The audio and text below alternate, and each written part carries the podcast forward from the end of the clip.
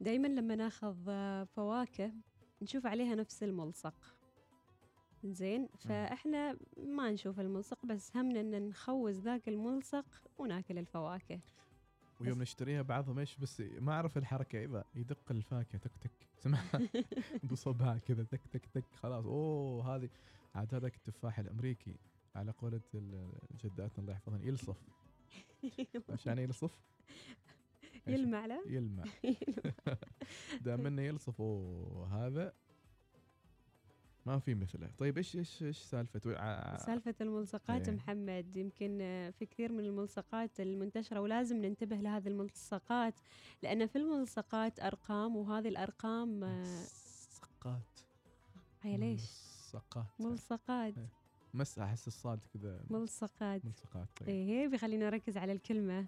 المهم في هذه الملصقات أرقام ولازم ننتبه للأرقام لأن كل رقم يعني شيء معين. وكشف أحد المتسوقين عن المعنى الخفي وراء الرموز الموجودة على ملصقات الفواكه. آه، طبعا هذا المتسوق اسمه جوشو آه، بلوم وكان يتحدث عن الموضوع في آه، التيك توك. وقال أن هذه الأرقام تعني أشياء مختلفة.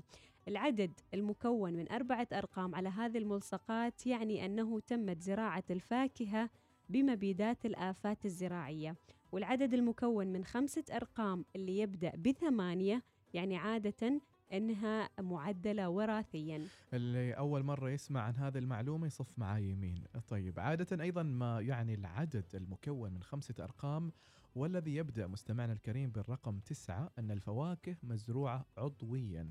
باختصار ابحث عن الرقم السحري تسعة إذا كنت ترغب فقط في تناول منتجات صديقة. للبيئة. وصراحة معلومة جديدة ومهمة أعتبرها.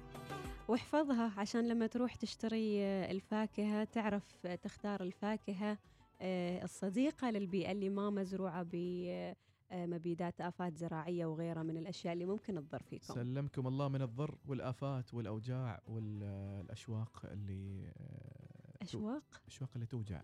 يعني يقول لك سلمك الله من الشوق والعوق. هذا مثل. يعني أول مرة أعرف أن الشوق ممكن يكون عوق. طبيعي. يعني مثلا والله مشتاق لشخص آه الله أخذ أمانته مثلا. هنا خلاص ما أقدر أتكلم. خلاص. آه رحمة الله على كل من توفى الله من من أحبابكم وأصحابكم. آه يعني أول مرة تعرفي أن الشوق الشوق يوجع؟ طبيعي. يعني الشوق والعوق.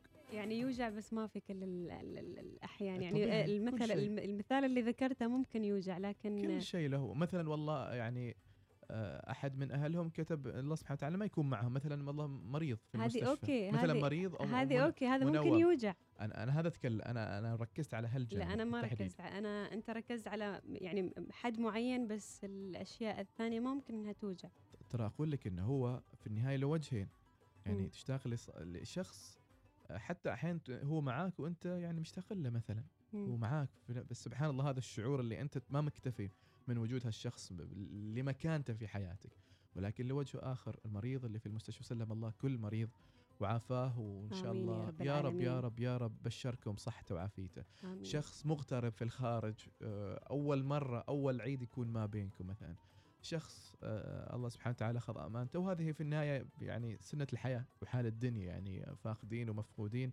وفي الأول والأخير يعني نسأل الله الرحمة للجميع. ففيه وجه آخر طبيعي إنه في وجه آخر. سلمكم الله من الشوق والعوق. اقتنعت فيه الحين؟ اقتنعت. الفاصل وراجعين.